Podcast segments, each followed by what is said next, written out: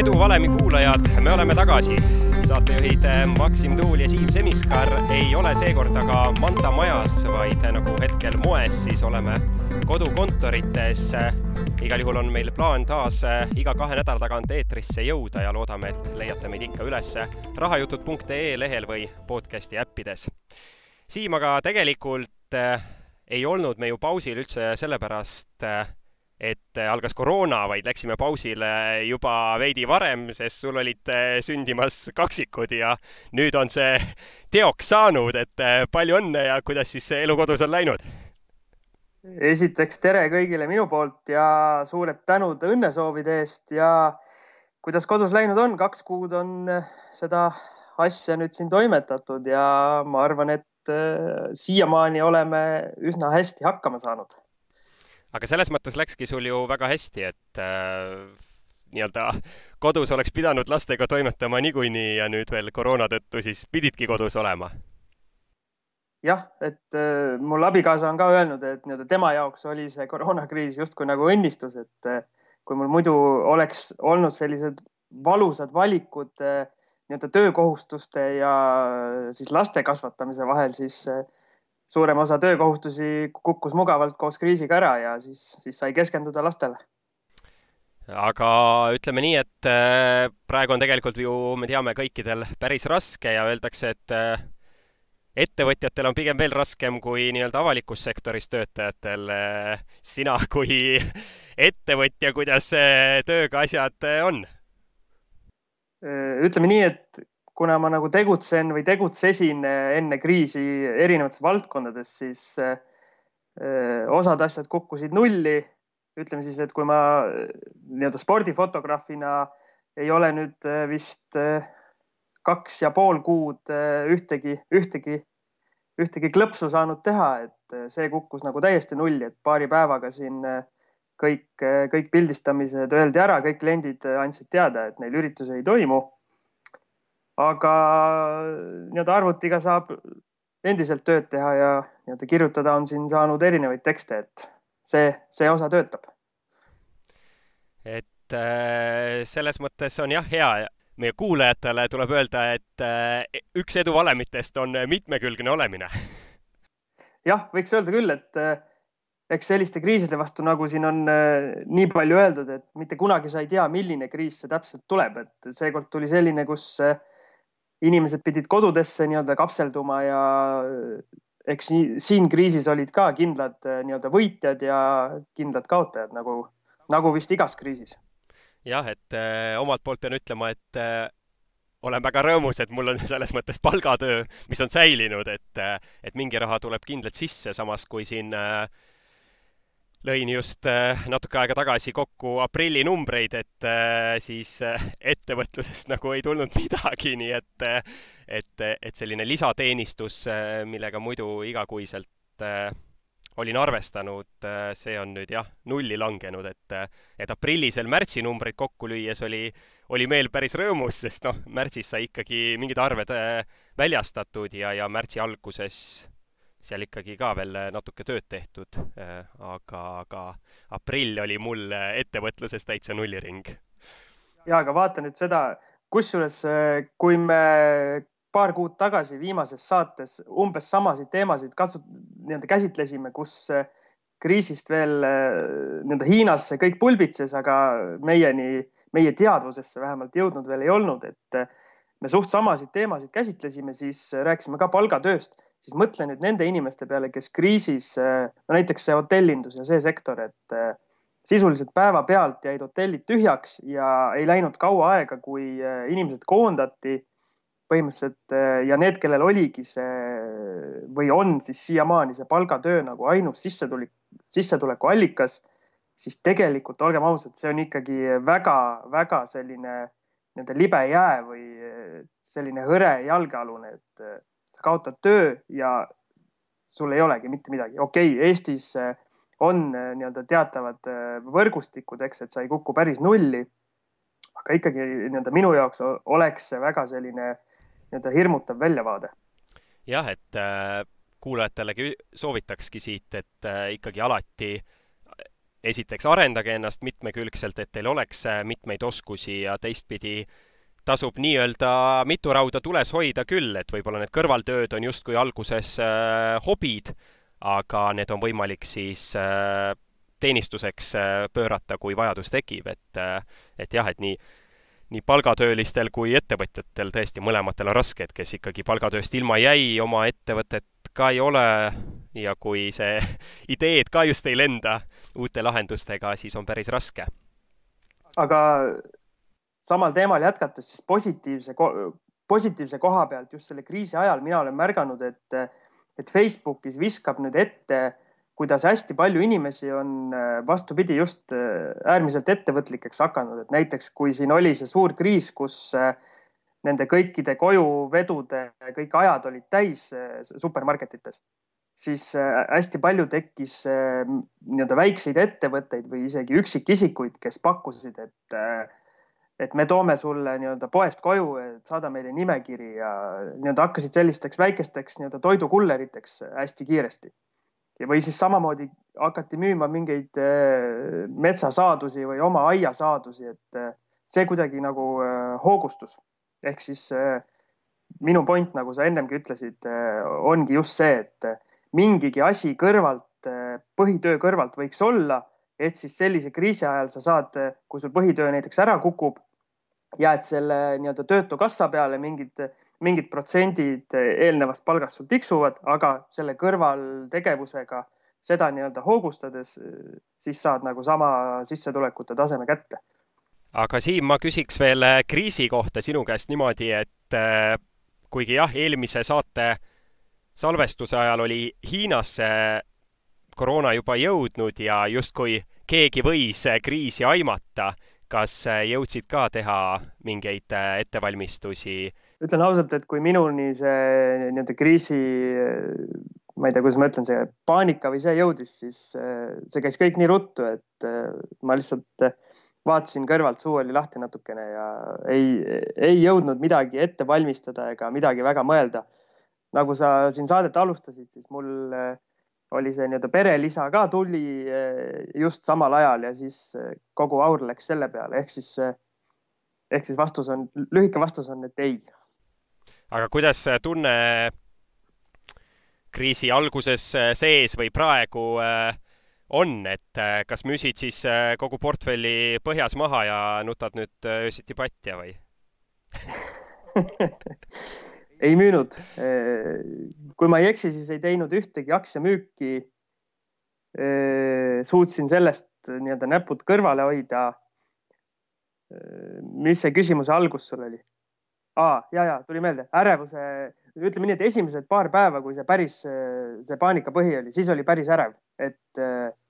istusin ikka natuke seal arvuti taga ja refresh isin mingeid äh, uudiseid ja vaatasin, mis värk on. aga see läks suht kiirelt üle, et kuna siin lastega toimetamine võtab igapäevaselt nii palju energiat, et siis ma ühel hetkel tegin teadliku otsuse, et mul ei ole mõtet närvitseda ja vaadata neid uudiseid ja mõelda selle asja peale, et äh, ise suurt midagi teha ei saa. ma mõtlen just nagu suures plaanis selles kriisiga. ja siis, siis oli vahepeal selline selline rutiin, et, et päeval uudiseid ei vaadanud ja õhtul vaatasin Aktuaalset Kaamerat, aga siis mingi hetkel kukkus see Aktuaalne Kaamera vaatamine ka ära. okei okay., aga kuidas sa suhtud sellesse, et äh, tegelikult kui see kriis algas, siis mina ikkagi seal alguses lugesin äh, erinevate nii-öelda ekspertide hinnanguid, kuidas kõik ütlevad, et jaa, et ikka tasub praegu kohe ära müüa kõik, et langus on veel pikk ja nii edasi, et põhimõtteliselt äh, need soovitused, mis on nii-öelda tõusuaastatel, et eh, noh, ostke ikka neid aktsiaid, mida te kavatsete hoida ja, ja hoidke ikka läbi kriisi, et need nagu justkui haihtusid ära. kusjuures ma olen täpselt sedasama ise nii-öelda täheldanud, et eh, just see, mida sa ütlesid, et kogu aeg investeerimises on, eh, on toonitatud seda või vähemalt pikaajalises investeerimises, et ostke neid ettevõtteid, mida te tahate hoida läbi kriisi ja nüüd oli jah, põhiküsimus kõigile, et eh, kes müüs, palju müüs, millal müüs ja eh, mitte see, et eh, kes hoidis. aga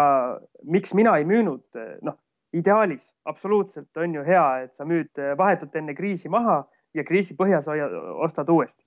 aga siin, siin oli juba see, et müümisega ma oleks ilmselgelt hiljaks jäänud. ja kas ma oleks siis hiljem nii-öelda seda kriisi põhja tabanud ja julgenud selle ostu nii-öelda uuesti teha, et ma ei tea seda. minul on lihtsam, vähemalt ma enda jaoks olen pidevalt mõelnud, et minul on lihtsam äh, nii-öelda pigistada silm kinni, et see kriis üldse on ja sõita siis kogu nii-öelda portfelliga sealt läbi, et vaadata siis äh, aastate pärast, et mis on juhtunud. et ma arvan, see on täpselt sama hea otsus kui see, et ma siis ühe korra õigel ajal, enam-vähem õigel ajal müün ja teisel nii-öelda enam-vähem õigel ajal ostan tagasi, et äh, see oli minu mõte. kuidas sul oli? ma tean, et sa minu käest kogu aeg küsisid iga päev, et kas ma müüsin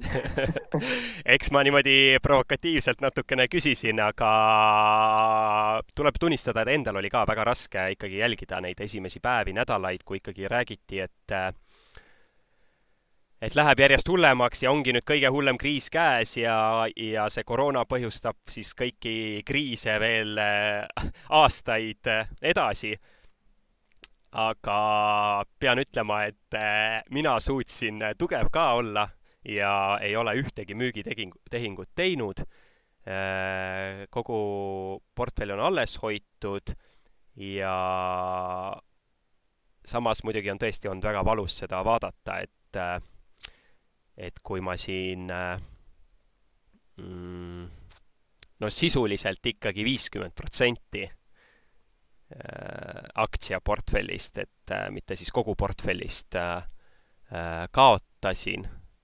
või noh, justkui virtuaalselt langes, ärme siis kasutame ikkagi õigeid sõnu, ei kaotanud midagi, kuna ei müünud. et see oli päris raske, aga ütleme, tänaseks päevaks on tegelikult pool sellest langusest tagasi tõusnud või isegi rohkem. et, et juba on nagu päris hea tunne, et kuna ma teen iga kuu äh, Äh, kokkuvõtteid, siis äh, oligi nüüd äh, aprilli kokkuvõtet tehes oli juba päris hea tunne, et noh, kuigi miinus on veel suur, siis, siis see tagasitõus ikkagi mõjub niimoodi innustavalt. et kas kriis on läbi siis? Mina kindlasti seda ei ütleks, et, et kui siin nii-öelda prognoose teha või natukene targutada, et mis saama hakkab, siis ma arvan, et kui ikkagi need teise kvartali tulemused äh, tulevad, et siis jõuab kuidagi nii inimeste teadvusesse kui ka reaalselt ettevõtetesse see kriis kohale ja need aktsiahinnad ikkagi võivad langeda veelgi. sa ütlesid, et sa olid tugev ja ei müünud midagi, kas võib olla, et umbes paari kuu või ma ei tea, poole aasta pärast me siin omavahel räägime ja ütleme, et olime tugevad küll, aga ja siis tugevad, aga lollid?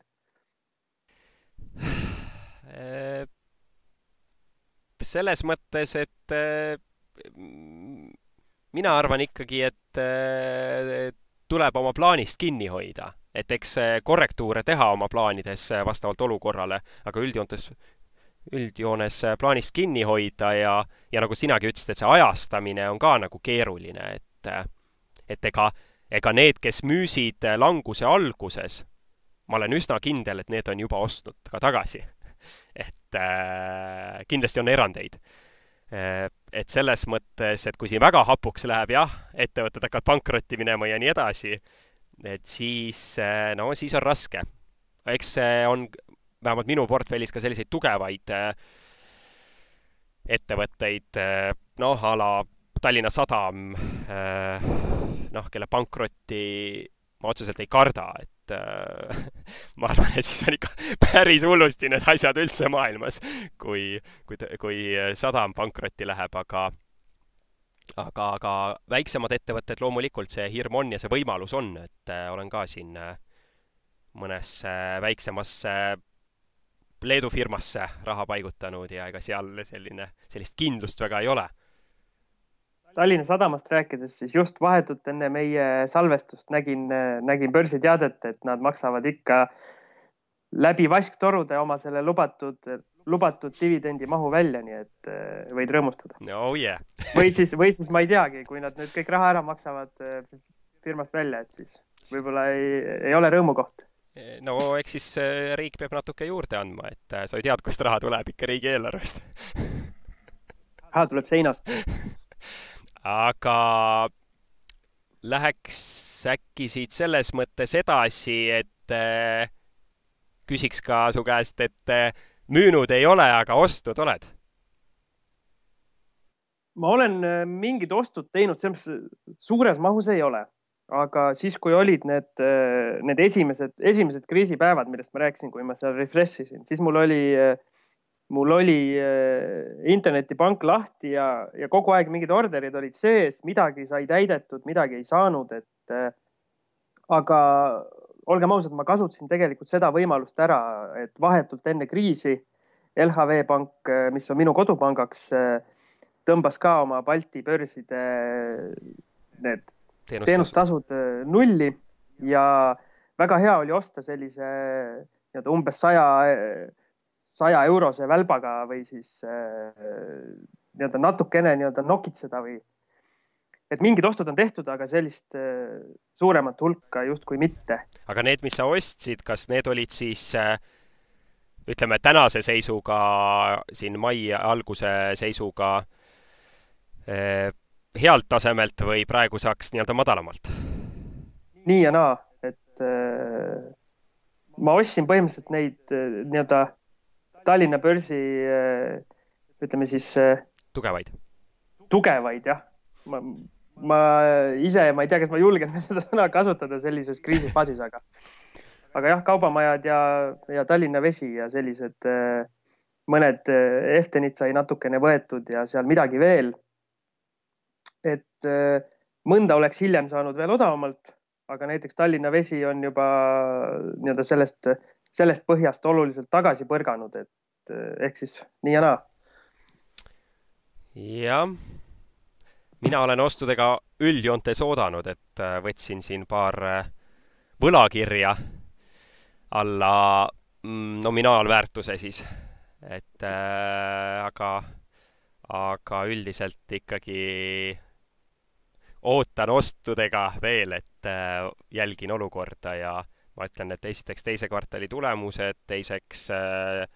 eks tuleb jälgida natuke, kui vaadata Eesti seisu, siis seda, et kui kõrgeks see töötus kasvab, mis organisatsioonidest üldse saab ja noh, globaalses mõttes ka loomulikult, et kui, kui hullusti ikkagi see haigus veel äh, rüüstab neid, et ega siin ju mitmes riigis on ikkagi asi veel päris hull. Seda küll, aga äh ma siinkohal tahakski sult küsida, et räägi, me natuke aktsiatest rääkisime, aga räägi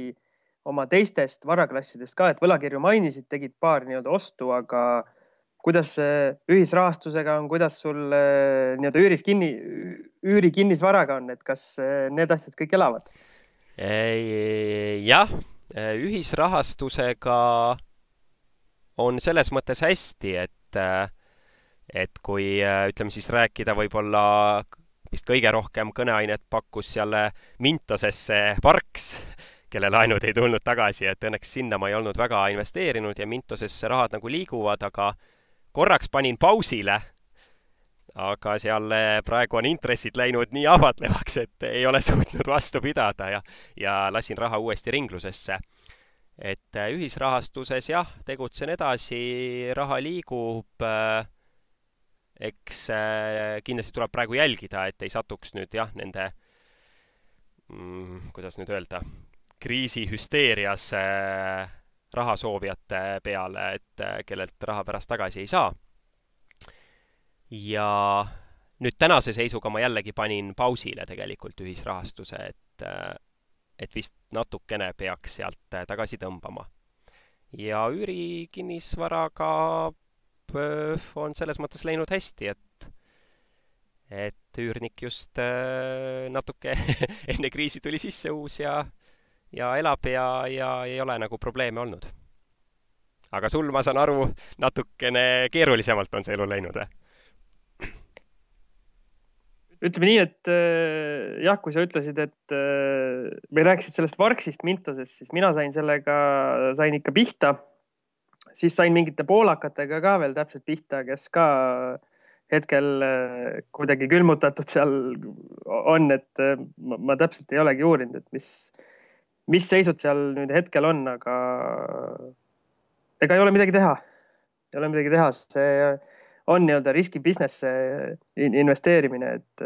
nagu ikka alati öeldakse, et investeerida tuleb seda raha, mida oled valmis kaotama. aga kui nüüd sellest juba kahest kuust, mis on äh, kriis kestnud, et äh, võtta nii-öelda kokku, et mis sa nagu oled õppinud, et äh, kas nüüd ütleme, järgmine kord äh, oskad enne midagi teisiti teha ja oskad juba kriisi sees midagi teisiti teha. no loomulikult äh,, mida me kõik kindlasti oleme õppinud selles kriisis, on see, et ta, vana teada tõde, et iga kriis on erinev ja, ja sellist äh, ootamatut kriisi, et kõik pannakse lukku, seda ei osanud keegi oodata. üks asi, mis mul äh, ei ole täpselt küll küsimusele vastus, aga äh, minu jaoks oli üllatav, kuidas eh, just ühisrahastusest rääkides Mintos, kui kiiresti tal need jalad alt ära läksid. tegelikult minu jaoks on ikkagi Mintosel no sisuliselt jalad alt ära läinud praegu. et neid probleeme on järjest nii palju tulnud. ja saab olema nagu huvitav näha, et kuidas, kuidas nemad sellest kriisist välja tulla, tulevad, sest eh, see, see massiline raha väljavõtmine, mis sealt, sealt lahti läks, kui see kriis lahvatas see oli noh, ütleme muljetavaldav. et äh, ma, ma sellist asja ei oodanud aga kui nüüd veel ütleme jah, just Mintose seisukohalt nagu analüüsida, et me siin eelmises saates äh, rääkisime, et äh, vähemalt mina ütlesin, et vaata, et mina olen hoidnud neid investeeringuid justkui likviidsena, suhteliselt lühiajalised laenud, sellised noh, ma leian, et head laenud, mida saab ka müüa järelturul, et, äh, et justkui nagu olin valmis. aga see, et äh, ma ütleks, et minu portfelli ei sattunud näiteks Varksi, äh, kellelt ma siis ei oleks tegelikult ikkagi praegu raha tagasi saanud, et see oli võib-olla mingi kokkusattumus või õnn. et mida siis nagu sellest järeldada või õppida ikkagi ega suurt midagi ei olegi järeldada, sest äh, minul oli sama mõte, et ma hoian Mintose nagu nii likviidne kui võimalik, et, et kui mingid kriisiilmingud tulevad, siis ühisrahastusest mul oli plaan raha välja võtta, aga põhimõtteliselt äh, päevadega kadus see likviidsus täiesti ära ja kui äh, esiteks see, et ei saanud eh, oma laene müüa, ilma et sa peaks panema mingi hullumeelse allahindluse, sest seal müüdi ju miinus kahekümne, kahekümne viie protsendiga müüdi valimatult kõike ühel hetkel ja siis, eh, siis teine asi, kui see Varksi jama ja need teised eh, samamoodi laenukontorid uppi lendasid või, või no ei saa öelda, et nad uppi lendasid, aga ütleme nii, et raha jäi kinni nendesse. et siis, siis kadus nagu täiesti viimane likviidsus ka ära, sest nendel, kellel probleemid olid eh, nende laenudega, siis eh, enam järelturul ei tohtinud kaubelda, et isegi kui sa oleks nõus olnud sealt võtma miinus kakskümmend protsenti lossi. ehk siis, mis mu mõte on see, et sa võid valmistuda ja vaata, mingi plaan võib olla, aga nagu seal nii-öelda sõja, sõjamängudeski öeldakse, et plaan on nii kaua hea, kuni toimub esimene kontakt vaenlasega. jah, seda küll, aga kui nüüd vaadata investeeringute seisukohalt äh, ikkagi veel tulevikku, et äh, millised on sinu ajahorisondid ja, ja, ja mõtted siis ka varaklasside osas, et millal sa taas investeerima hakkad ja, ja kuhu? ma lähtun põhimõtteliselt sellest, äh, sellest lausest, mida Jaak Roosaare on sotsiaalmeedias selle kriisi jooksul mitmeid kordi kirjutanud või vähemalt mulle on silma jäänud, et cash is king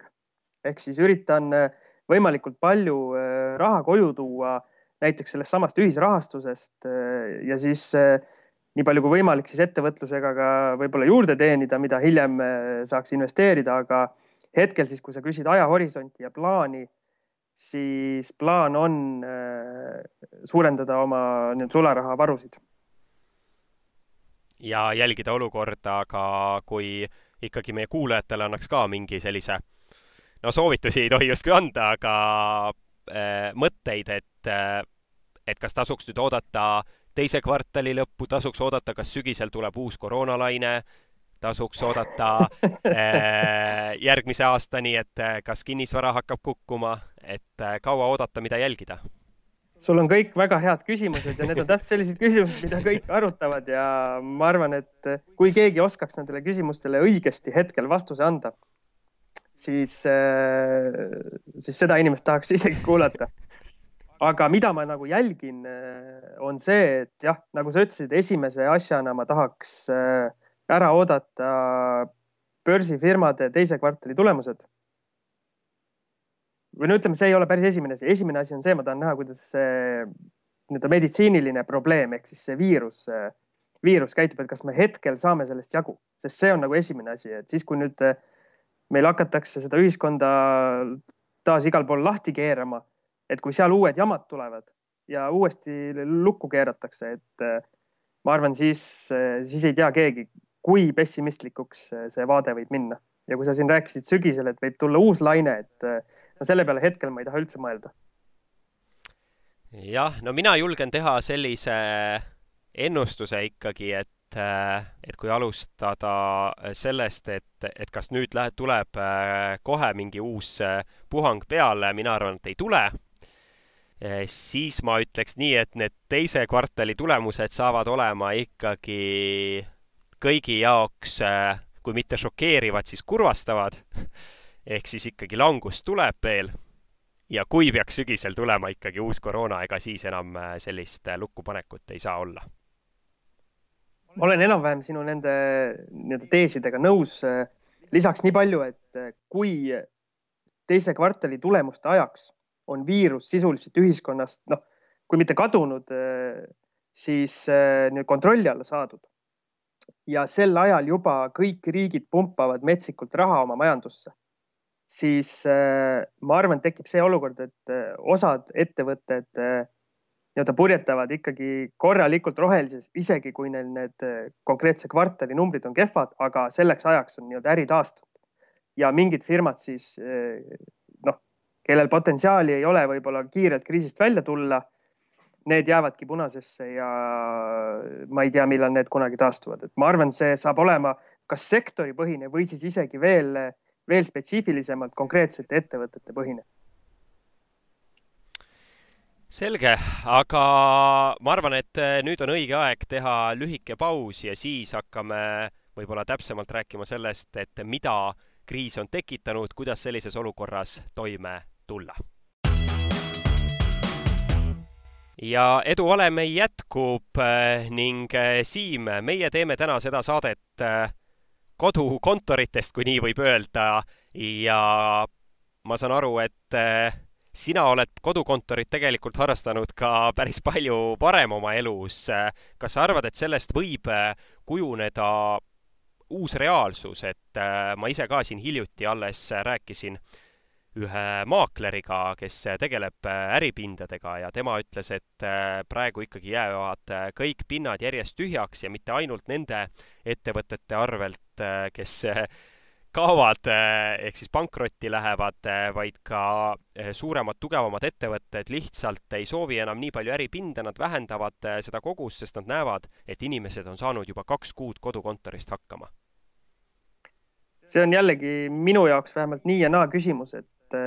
esiteks ma pean mainima, et ma teen seda, seda salvestust siin praegu lastetoast peaga teki all olles, et liiga palju ei kajaks meil see asi.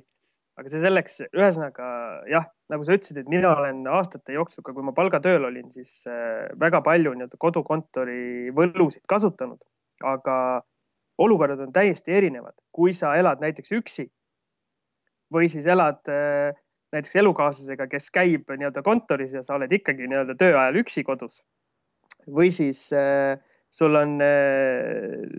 neli pereliiget veel enam-vähem samades tubades kogu aeg liikumas, need on drastiliselt erinevad erinevad lähtekohad ja kuigi ma olen suur kodukontori fänn, siis äh, ma pean ütlema, et ikkagi kodukontoris sul on vaja ka mingeid elementaarseid tingimusi, et sa ei oleks kogu aeg selle nii-öelda lärmi ja igapäevaelu keskel. et äh, need viimased, viimased kaks kuud eriti, kui mul äh, nii-öelda väiksed poisid ka sündisid siin, siis on ikka olnud üsna-üsna keeruline. Ma olen sinuga täiesti nõus, aga mis sa arvad, millist teed ettevõtted lähevad või peaksid minema, et kas näiteks kodukontoris töötamine võiks muutuda selles mõttes noh, justkui vabatahtlikuks, et kellel on kodus piisavalt head võimalused, tema teeb kodust ja kellel ei ole, sellele ikkagi võimaldatakse ka kontorikoht? no mina arvan seda, et jah, see muutub nagu selles mõttes vabamaks, et enam ei sunnita inimesi viis nädal või viis päeva nädalas käima kohal, vaid see muutub selliseks nii-öelda paindlikumaks, et a la paar päeva teed kodust, paar päeva käid kontoris ja ma arvan, et populaarsemaks saavad just sellised nagu meie nii-öelda tavaline stuudiomaja, et Manta maja, kus sa saad äh, siis kas ühe selle töökoha rentida mingiks ajaks või mis iganes, sellised paindlikud lahendused äh, saavad populaarsemaks. Ja, ja seda on ka eksperdid rääkinud, et juba nii-öelda vaikselt sinna suunas see asi liigub, et kui enne oli, ma ei tea, firmal X oli kümme töötajat ja kümme töökohta kuskil kontoris, et siis edaspidi võib-olla on äh, endiselt kontoriruumid, kuid need on väiksemad ja kümnele töötajale on äh, viis töökohta, et see, kes tuleb, paneb oma arvuti laua peale ja teeb siis kontoris tööd. kindlasti selline tavakontor nagu päris ära ei kao. Aga tead, mis mõttelt mina olen ennast äh, tabanud nüüd äh, viimasel paaril kuul, et üllatavalt tegelikult ikkagi hästi minu meelest, ega kõikide ettevõtete muidugi telgitagustesse ei näe, on ettevõtted kohanenud selle olukorraga ja on äh, tekkinud nii äh, kodukontori võimalused e, e-poed on äh, tekkinud mitmetele ettevõtetele, et natuke nagu naljakas, et et miks siis enne neid võimalusi justkui ei, ei loodud või ei tehtud, et Elisa telekomi valdkonna juht Mailis Ploomann ju rääkis, kuidas Elisas ikkagi nagu soodustatakse seda, aga teised ettevõtted siis ei ole julgenud justkui enne kriisi seda teed minna ja nüüd tegelikult võiks öelda, et kriis on olnud justkui õnnistus ja näidanud, et asjad äh, võivad nii toimida küll.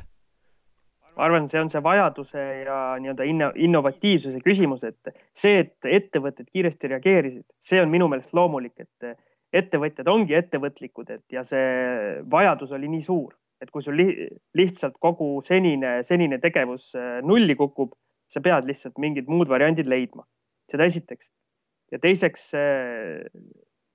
väga palju selliseid innovatiivseid ettevõtteid tegelikult ju ei ole, et see innovatiivsus on ka selline omadus, mis, mis vähestel on, ehk siis nii kaua, kui olukord lubas, nii kaua, nii kaua tehti oma tavapärast rada pidi. nüüd, kui olukord on drastiliselt teine, et siis hakatakse mõtlema neid nii-öelda teisi variante, et selles mõttes sa tõid, sa tõid hea näite, et siin on mingid firmad, kes on olnud paljudes valdkondades ju eest, eestkäijad ja eestkõnelejad ja hiljem on teised järgi tulnud, kui nad näevad, et see valem tegelikult töötab. jah, aga siit saamegi siis äh, äh,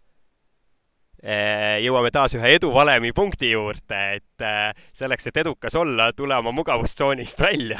et siis oledki leidlik, innovatiivne ja, ja, ja leiadki häid lahendusi, mis su ärile, ettevõttele või sulle endale võivad kasulikud olla seda küll, sest eh, kui sina teed esimesena mingi uue asja, mille pärast kõik, hiljem kõik üle võtavad, siis sul on justkui, eh, nagu sa ütled, edu selles valdkonnas. Aga räägi sina, mis sina nii-öelda kodukontori teemast arvad, et sul ka oli vaja mingi aeg ju kodus teha tööd või sa said rohkem ikkagi eh, nii-öelda töö juures käia? Ma pean ütlema, et kasutasin mõlemat võimalust. kahjuks jah, minu töö on selline, et see päris kodus olemist ei võimalda, tõsi, päris viis päeva nädalas ma kontoris ka ei olnud, et siin ikkagi üks-kaks päeva sai asju tehtud arvuti ja telefoni kaudu, et et on ikkagi jah, need ametikohad äh, mis, mis nõuavad ikkagi nagu kohalkäimist ja ega päris kõike ei saa nüüd kodukontoritesse viia ja, ja, ja teistpidi on sellel justkui äh, isolatsioonil ju teised äh, ohud. et, äh, et niigi inimesed on väga palju ju virtuaalmaailmas elamas ja, ja nüüd, kui veel kontorites ka ei käi, et siis äh, siis ongi kogu elu kogu äh, kolimas äh, virtuaalmaailma ja siin äh, võivad veel omad sellised mitte nii positiivsed äh, tagajärjed olla. et mina siin äh, mõtlen ka nende peale, et äh, et äh, no nagu uudiseid võib praegu lugeda, et kes on rõõmus, et saab ka töö ajal või siis töö, tööle mineku aja arvelt kodus olla oma naise või lastega või lemmikloomadega ja siis on ju samal ajal tõusmas ka ikkagi need koduvägivalla nähud ja kõik muu selline, et, et eks, eks me saame veel näha ja kuulda, et kuidas see ühiskonda laiemalt mõjutab aga nüüd läksime võib-olla väga nii-öelda laiaks mustadesse toonidesse.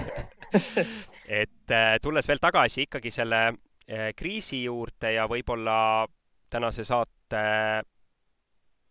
siis äh, fookuse juurde ehk siis edukas olemine kriisis ja pigem läbi investeerimise ja uute, uue olukorraga kohanemise siis äh, mis on sinu sammud, Siim, äh, siin järgmise kuu jooksul või, või paari jooksul ja mõtlen seda nii äh, sellest seisukohast, et, et veel kord sa küll ütlesid, et rohkem üritad rahasse tulla ja võib-olla rahas olla, aga kas veel jälgid mingeid ikkagi trende ja teistpidi, et kuidas on lood ettevõttega, mida ettevõttes kavatsete teha? Alustan lõpust, et äh, nii-öelda ettevõtte poole pealt äh,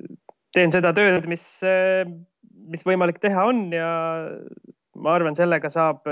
saab laste kõrval nagu kenasti oma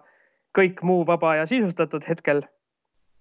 no ütleme, sina tegeled online meediaga, et inimesed on nüüd veel rohkem arvutites, kas on online meedia tarbimise tõusu märgata? Ühest küljest on, aga kuna minu põhivaldkond on nii-öelda spordivaldkond ja sporti teatavasti ei ole nüüd ka mitu kuud toimunud, et siis, siis selles mõttes on keeruline, et kui sa ikkagi teed eh, nii-öelda spordiuudiste portaale, siis ja uut uudist justkui peale ei tule, siis tuleb olla väga nagu leidlik ja otsida uusi võimalusi, kuidas eh, nii-öelda lugejate meeli, meeli haarata, et sellega on see tegevus äh, toimunud. Eh, aga üldiselt jah, et eh, mingit langust kindlasti pole olnud numbrites. Eh, aga päris suurt nagu tõusu meie nagu ka ei saa nagu või sellega ei saa kiidelda. aga need teised küsimused, mis sa küsisid investeerimise koha pealt või siis selle rahamaailma koha pealt, et jah, proovin oma nii-öelda rahavarusid suurendada vaikselt ja mida ma jälgin, ma jälgin aktsiaturgusid kindlasti igapäevaselt, et eh, just nagu sai räägitud, et need kvartali tulemused, kui teise kvartali kohta tulevad, eks ma vaatan ka jooksvalt, mis eh, mingid ettevõtted, et eh, mis, mis jutud nende kohta on, et mis seisus nad kriisist välja tulevad, kui palju keegi riigiabi saab, siin see kuulus Tallinki case ja, ja nii edasi. ja siis kindlasti vaatan aeg-ajalt ka kinnisvarakuulutusi et lihtsalt äh, saada aimu, äh, aimu sellest, et äh, kuhu suunas ja kui kiiresti need hinnad ikkagi liikuma hakkavad, et noh, ma arvan, et suunda oskame me kõik ära aimata, aga et, et kui sügavale ja kui kiiresti ja, ja sellist asja. selle kinnisvara kohta tahaks mina veel öelda, et inimesed, kes kindlasti praegu nagu vaatavad turul ringi või või siis äh, jah, äh, otsivad, äh, kuhu investeerida või, või mõtlevad, et, et, et millal või, või, või millises suunas need hinnad hakkavad liikuma, et siis ikkagi proovige ise analüüsida, et viimasel ajal on päris paljud siin äh, maaklerid ja kinnisvaraettevõtete juhid võtnud igal pool sõna, et, et ei, et kinnisvara hindadega on meil kõik korras ja ikka läheb edasi ja midagi ei kuku. et, et eks igaüks räägib nii-öelda oma mätta otsast, et loomulikult neil on vaja inimestele sisendada kindlust, et äh, ikka ostke edasi asju. ma ei ütle, et äh, praeguses olukorras ei tohiks keegi endale eluaset osta, eluase tuleb niikuinii osta. võib-olla on ka häid objekte juba investeerimise mõttes, mida osta, aga, aga nagu sa isegi ütlesid, Siim, et et suund praegu hindades on tegelikult teada, et küsimus on pigem, kui, kui järsk see suund on ja ma arvan, küsimus on selles ka, et millal, millal see tegelikult tuleb, et hetkel, hetkel on selles mõttes üüriturg eh, hindades kukkus küll nagu selgelt kohe, sest tulid need Airbnb korterid turule. sest turiste ühtegi ei tulnud ja siis oli need vaja, need korterid vaja ka ikkagi nii-öelda teenima panna. seal käis see hinna kukkumine väga kiiresti. aga mulle tundub kuulutusi vaadates, muidugi me ei tea tegelikult eh, nii-öelda reaalsete tehingute hinda, selle saab mingi välbaga hiljem teada enam-vähem. Aga nüüd kuulutusi vaadates see nii-öelda see, see hind, mida küsiti, see suuresti väga kukkunud ei ole. on mingid üksikud objektid, tundub, et on, on mingid müüjad kes saavad aru, et see hind tegelikult, äh, nad ei saa enam seda hinda, mis nad oleks saanud kolm kuud tagasi, kes ongi pannud juba kohe äh, nagu eristunud massist ja pannud veidi madalama hinna ja ma arvan, need objektid lähevad ka äh, nii-öelda turult ära. no mina jah, siinkohal ütleks ka, et kuna üüriturule tuli nii palju kortereid juurde, just selle Airbnb arvelt ja nii edasi, et siis ma arvan, et paljud märkavad ka peagi seda, et et tootlikkus langeb, ei ole mõtet võib-olla pidada, tuleb müüki rohkem kortereid ja teistpidi loomulikult, mis on põhiindikatsioon, on ju töötuse tõus, inimestel ei ole raha, nad ei jaksa varsti oma laene ära maksta, peavad müüma, kolima üüripindadele, väiksematele pindadele, mis iganes, et, et selles mõttes kinnisvaraga kindlasti, kellel on võimalik ja kes siis jah, otseselt just kodu ei soeta, vaid tahab kinnisvarasse investeerida, siis praegu tasub oodata. Jah, et mina olen jälginud neid erinevate ekspertide arvamusi ja vähemalt minule kõige reaalsem äh, hetkel tundub see, kui räägitakse, et umbes sügisel äh, või siis talve hakul me näeme seda nii-öelda hindade langust selgelt, et siis on täpselt see, et paljudel inimestel on rahapuhvrid läbi, kes on siis äh, töö kaotanud või siis need nii-öelda töötuskindlustus ka nii-öelda ei suuda korvata nende senist elustiili, et siis hakatakse äh, hakatakse kas laenudega hätta jääma või siis tehakse ise teatavad teadlikud otsused ja kolitakse siis äh, vähem, vähem nõudlikule elupinnale. Aga ma hakkaks vaikselt meie saadet äh, kokku võtma. oot, oot, oot, aga meil jäi, meil jäi küsimata sinu käest, et mida sina jälgid, et sa kinnisvaraturust ka natuke rääkisid, aga on sul veel mingeid asju, mida, millel silma peal hoiad? no tegelikult saigi ka nimetatud see teise kvartali tulemused. Eh, eks seda aktsiate nagu hinnaliikumist eh, jälgin ka mina võib-olla pingsamalt ja tihedamalt kui, kui varem, aga selliseid nagu kiireid otsuseid ei tee, et, eh, et nagu ei saanud, ütleme müümisega siis kriisi alguses jäin selgelt hiljaks, kuigi noh, ega seda otseselt mõtet ju soovi noh, ei olnud, mõne ettevõtte puhul oli, pean tunnistama, aga aga, aga jäin hiljaks, ei müünud midagi, nüüd on nagu selles mõttes endiselt justkui nii all, et ei ole mõtet müüa, samas on juba nii kõrgel põhjast, et justkui osta. praegu ka ei, ei, taha, kuna ei ole ka kindlust, et edasi tõuseb. et siis nagu ootan ja, ja ja eh, noh, kui siin natuke targutada, eks äh, iga inimene teeb selle otsuse ikka lähtuvalt sellest, millised on tema teadmised antud hetkel. et ma selles mõttes eh, kindlasti ei jää taga nutma ka seda, et kui ütleme, praegu jäid võimalused ostmiseks kasutamata ja, ja nüüd juhtub eh, nii hästi, et eh, turg tõuseb edasi, ega mis siis nutta, siis ma olen rõõmus, sest mul ju on vanad positsioonid alles ja need taastuvad. aga rääkides, rääkides teadmistest, siis siis nendega ei ole me kunagi hiilanud, et seda võib vist ära mainida no oleneb, mis teadmistega, eks eks mingid teadmised äh, ikka on, aga, aga tagantjärele oleme kõik targemad. Et selles mõttes ma tegelikult tahtsingi siin äh, kokkuvõtet äh, alustades kohe öelda, et täna me oleme päris konkreetseks läinud, aga et kuidas need klauslid on, et äh, ärge võtke midagi soovitusena. et me ikkagi räägime lihtsalt oma mõtetest, analüüsime, mida oleme lugenud ja, ja, ja räägime sellest, mida kavatseme teha. Et kindlasti nüüd, kui äh, kinnisvarahinnad järgmise poole aasta jooksul räigelt tõusma hakkavad, siis ma loodan, et keegi ei hakka mulle kirjutama, et, et sina ütlesid seal saates, et hakkab kindlalt langema. ja üldiselt ma saan aru meie jutu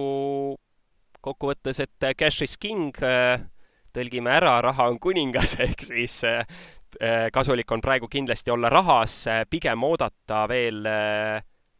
mis hakkab toimuma nii haiguse osas kui ka kõikide varaklasside siis turgude osas. ja siis ja siis tegutseda, aga ma arvan, et see tegutsemine peaks jääma kindlasti teise poolaastasse, kui mitte järgmisesse aastasse. ma lisan sulle selle Cash is Kingi kohta sellise asja, et äh, hetkel tundub see nii olevat, aga niipea, kui meil see meditsiinikriis saab seljatatud, siis tuleb hakata, hakata väga hoolikalt vaatama, et kui siin hakatakse seda raha ikka massiliselt juurde trükkima, siis äh, sellest kuninga staatusest see nii-öelda cash kaob äh, nii-öelda kiirelt ära, et ma arvan, siis tuleb leida need varaklassid, mis endale kõige südamelähedasemad või tunduvad kõige kõige, ma ei tea, kuidas siis investoril, kas mõnele riskivabam või teisel jälle kõige tootvam ja siis paigutada see, see sularaha sinna. Jah, tegelikult sellest rahatrükist me väga palju ei jõudnud saates rääkida, ei peagi võib-olla rääkima, aga aga selles mõttes see teeb kindlasti olukorra jah, veel, veel keerulisemaks. peab kogu aeg jälgima, jälgima olukorda, aga ikkagi vähemalt äh, kuu-kaks, kui mitte kolm, ma äh, julgeks ise küll rahas istuda ja, ja, ja olukorda jälgida. No mina annaks äh, lõpetuseks ühe hästi konkreetse soovituse ka, ma ei tea, kui hästi see siia kõlbab, aga minu soovitus on selline, et kui äh, väike investor või isegi äh, nii-öelda lihtsalt inimene, kes selles kriisis tunneb, et ta, et tal mõistus on natuke kadunud või ei tea, mida teha, siis minu soovitus on leida endale mõni inimene, keda usaldatakse või kelle arvamust aktsepteeritakse ja käia nii-öelda tema rada pidi. Ehk siis, kui tõesti endal on nagu pea nagu täiesti laiali otsas, siis võtta üks konkreetne inimene ja kuulata teda. mitte nii, et sa võtad igalt poolt, igalt poolt erinevaid, erinevaid asju ja siis oled veel rohkem segaduses aga just keegi konkreetne, võib-olla Eestis on veel see eriti hea, et Eestis saab selle inimesega tõenäoliselt ka isikliku kontakti, kui, kui on soovi ja nii-öelda nõu küsida. et muidugi kõige parem on oma peaga need otsused teha, aga kui tõesti nagu kriisis on äh, nii-öelda katus ära sõitnud, siis äh, ma arvan, et see ei ole üldse paha nõuanne. Ja ma veel haaraks ka siit sõna otsast kinni ja ütleks, et kindlasti eelkõige jälgige seda, mida need siis edukamad või targemad teevad, mitte siis võib-olla nii palju seda, mida nad räägivad. Et selles mõttes, et tihti need asjad ei lähe nagu kokku, et äh, ütleme nii, et kui mm, siin Efteni juhid on ju, ostavad oma aktsiaid, siis see pigem näitab, et neil on nagu hea kindlus või kui Warren Buffett istub rahas siis järelikult äh, tema ei tea veel, kuhu see suund läheb ja kui Warren Buffett ei tea, siis miks peaks keegi äh, algaja paremini teadma. et jah, just äh, mi, mina omast kogemusest ütlen, et mina nagu jälgin just selliseid käike, et äh, mida need inimesed teevad, kas ettevõtete juhid ise panevad oma raha mängu, mm, kas nad ootavad ja nii edasi. jah, ja minu asi põhiasi, mida ma tahan edasi ka jälgida, on äh, see üks investeerimise kuldreegel veel, et hajuta, hajuta, hajuta, et äh, nii sissetulekute poole pealt hajutada ja siis ka investeerimise poole pealt hajutada, et äh, ma ei oota seda hetke, et nüüd, kui tundub, et see aktsiaturgudel on nüüd õige võimalus, et siis lükkan nii-öelda all in, et lähen kõigega sisse, et seda mul kindlasti plaanis ei ole et vastupidi, proovida hajutada erinevate varaklasside vahel, kui midagi peaks eh, nihu minema, siis ma ei kuku eh, nii-öelda kogu portfelliga käpuli, et, eh, et ma arvan, see on ka ikkagi hea nõuanne, mida, mida anda ja kui tekib see nii-öelda kartus, et, et ma jään nüüd millestki ilma, et see investeerimisvõimalus on nii hea, et ma pean sinna kogu rahaga sisse panema, et muidu, muidu uut kunagi ei tule siis alati tuleb mingeid võimalusi nii kriisis, nii buumi, buumi tipul, et äh, alati on mingeid võimalusi ja ei pea ühte võimalusse kogu oma kapitali ära raiskama. jah, vot äh, nende tarkuseteradega tõmbakski saate kokku ja ütleks veel meie kuulajatele, et äh, järgmiseks saateks loodame ikkagi saada meile ka külalise, kuigi eks siin kodukontorite ajal on see keeruline, aga juba erinevaid äh, piiranguid äh, lõdvendatakse. nii et äh, kahe nädala pärast loodetavasti tasub teil taas meid üles leida kas siis rahajutud.ee portaalis või loomulikult kõikides suuremates podcasti äppides. olge kannatlikud, jälgige, mis maailmas toimub ja ärge kiireid, rutakaid otsuseid tehke. ja mina lisan veel, et püsige terved